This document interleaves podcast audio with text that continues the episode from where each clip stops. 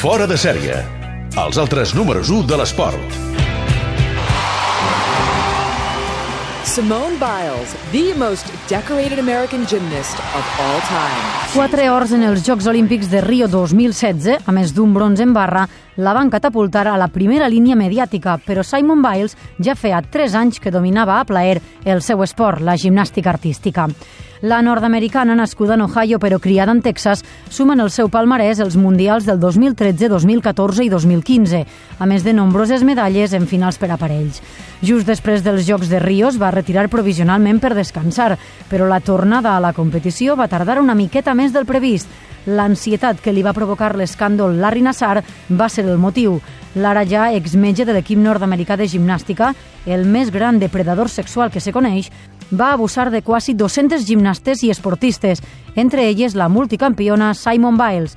Li va costar explicar la seva experiència, però ara té molt clar el missatge que envia a la resta de l'exèrcit de supervivents, com el va batejar la subcampiona olímpica Ali Reisman. It is not your fault.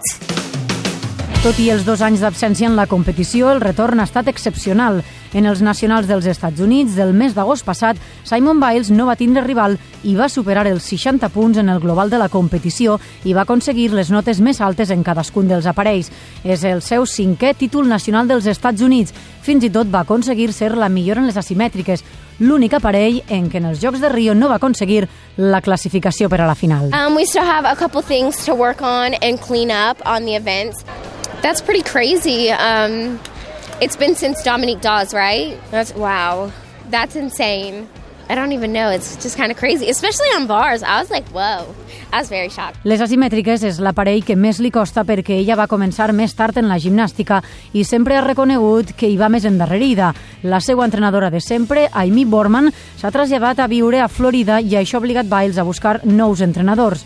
Els escollits són la parella Laurent Landi i Cecilia Coquetó Landi, especialistes precisament en asimètriques. I és que el gran objectiu ara, a banda del Mundial que es disputa estos dies, és Tòquio 2020, on Biles podria convertir-se en la tercera gimnasta de la història a revalidar el títol olímpic all-around, després de la soviètica Larisa Latinina i la txeca Vera Kaslavska. I'm like tired. I'm hungry.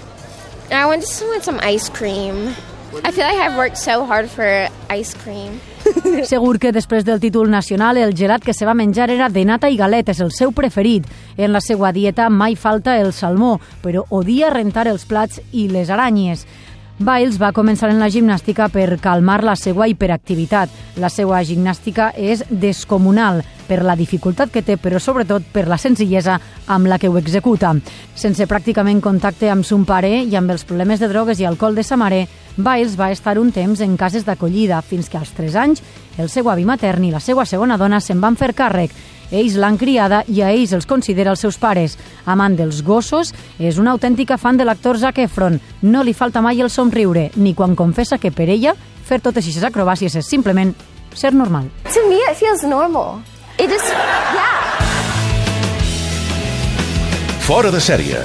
Amb Marta Garcia.